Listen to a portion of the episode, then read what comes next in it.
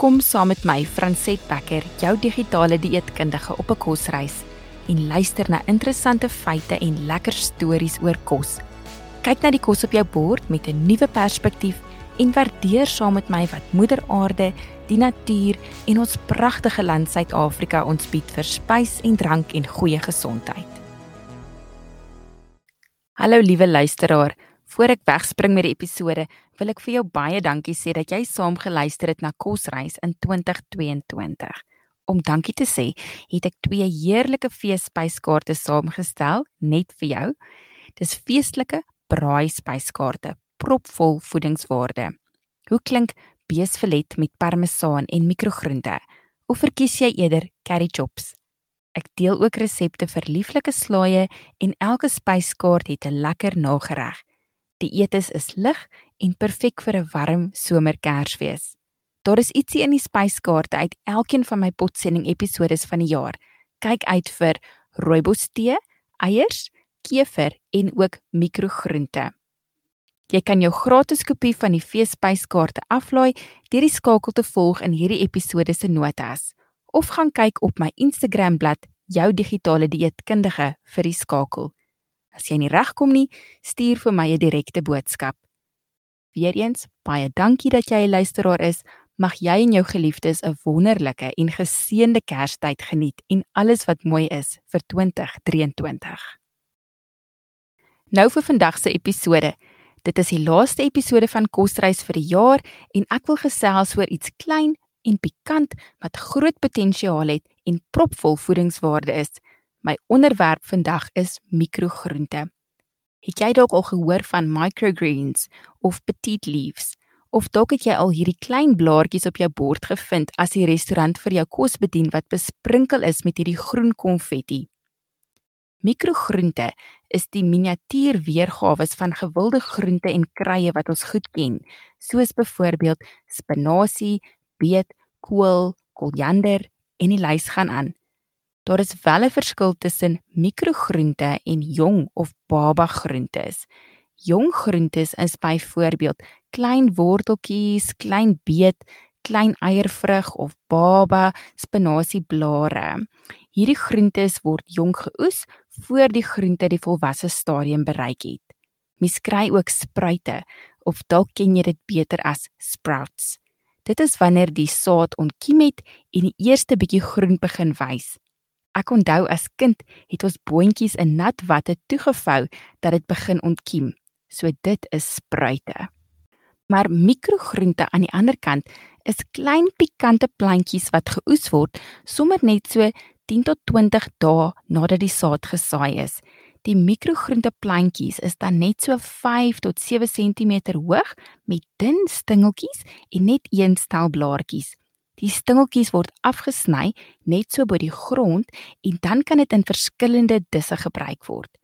Hierdie miniatuurgroente en kruie plantjies kom voor in 'n verskeidenheid kleure. Daar's skakerings van groen, daar's ook ligpink, rooi, ligbruin, geel en selfs pers. Mikrogroente het gewild geword in die 1990s nadat restaurante in Suid-Kalifornië hierdie klein plantjies begin gebruik het om kos pragtig te garneer. Nou mikrogroente is nie net mooi en kleurvol op mense bord nie. Daar is heelwat meer voordele. Elke soort mikrogroente het byvoorbeeld 'n unieke smaak en dit verryk dan ook die smaak van die kos waarmee dit bedien word. En het jy geweet dat mikrogroente ook propvol voedingswaarde is? Dink so daaraan. 'n Saadjie ontkiem en die plantjie wat daar begin groei bevat alreeds 'n klomp van die voedingsstowwe wat in die groot volwasse plant gaan wees. Hierdie mikroplantjie het dus 'n gekonsentreerde hoeveelheid vitamiene, minerale en antioksidante wat gelykstaande is aan die voedingsstowwe van die volwasse plant. Maar baie soorte mikrogroente bevat ook sommer heelwat meer vitamiene, minerale en antioksidante as die volwasse plante. Hoe ongelooflik is dit nie?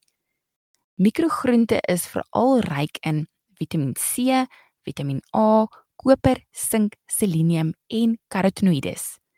Carotenoïdes is antioksidante en die voordeel wat dit ons bied is dat dit ons liggame beskerm teen die skade wat vrye radikale aanrig. Dit is juis een van die redes hoekom daaglikse groente en vrugte inname so belangrik is. Nog 'n voordeel is dat mikrogroente meestal rou geëet word en dis word die voedingswaarde beter behou.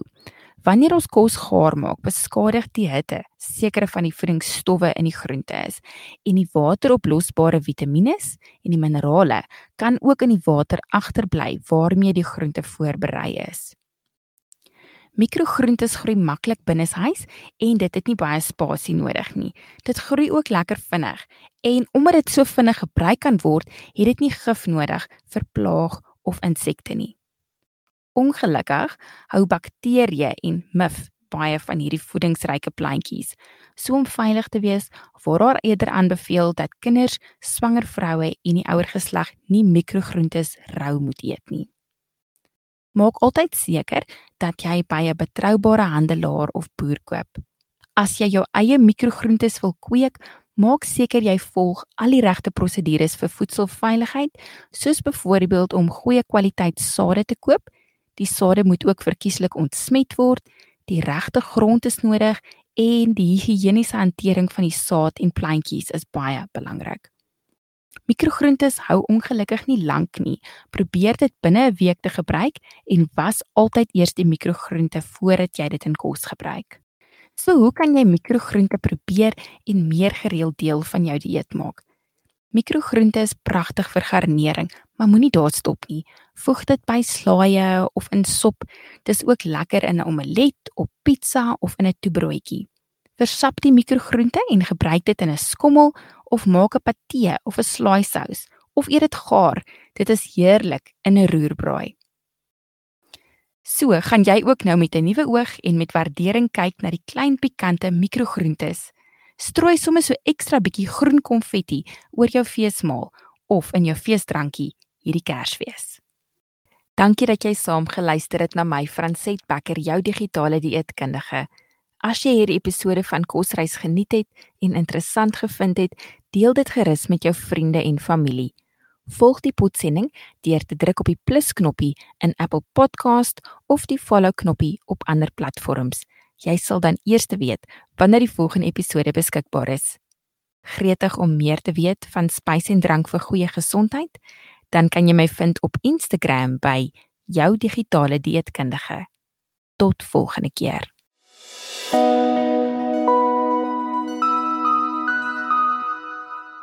Hierdie potsending is alleenlik vir inligtingdoeleindes en dien nie om enige mediese advies, diagnose, behandeling of 'n konsultasie met 'n gesondheidswerker te vervang nie.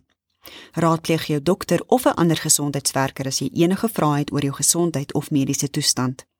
Hierdie inligting berus alleenlik op die aanbieder se persoonlike ervaring en navorsing. Dit verteenwoordig nie enige ander menings of navorsing of die van enige instansie nie.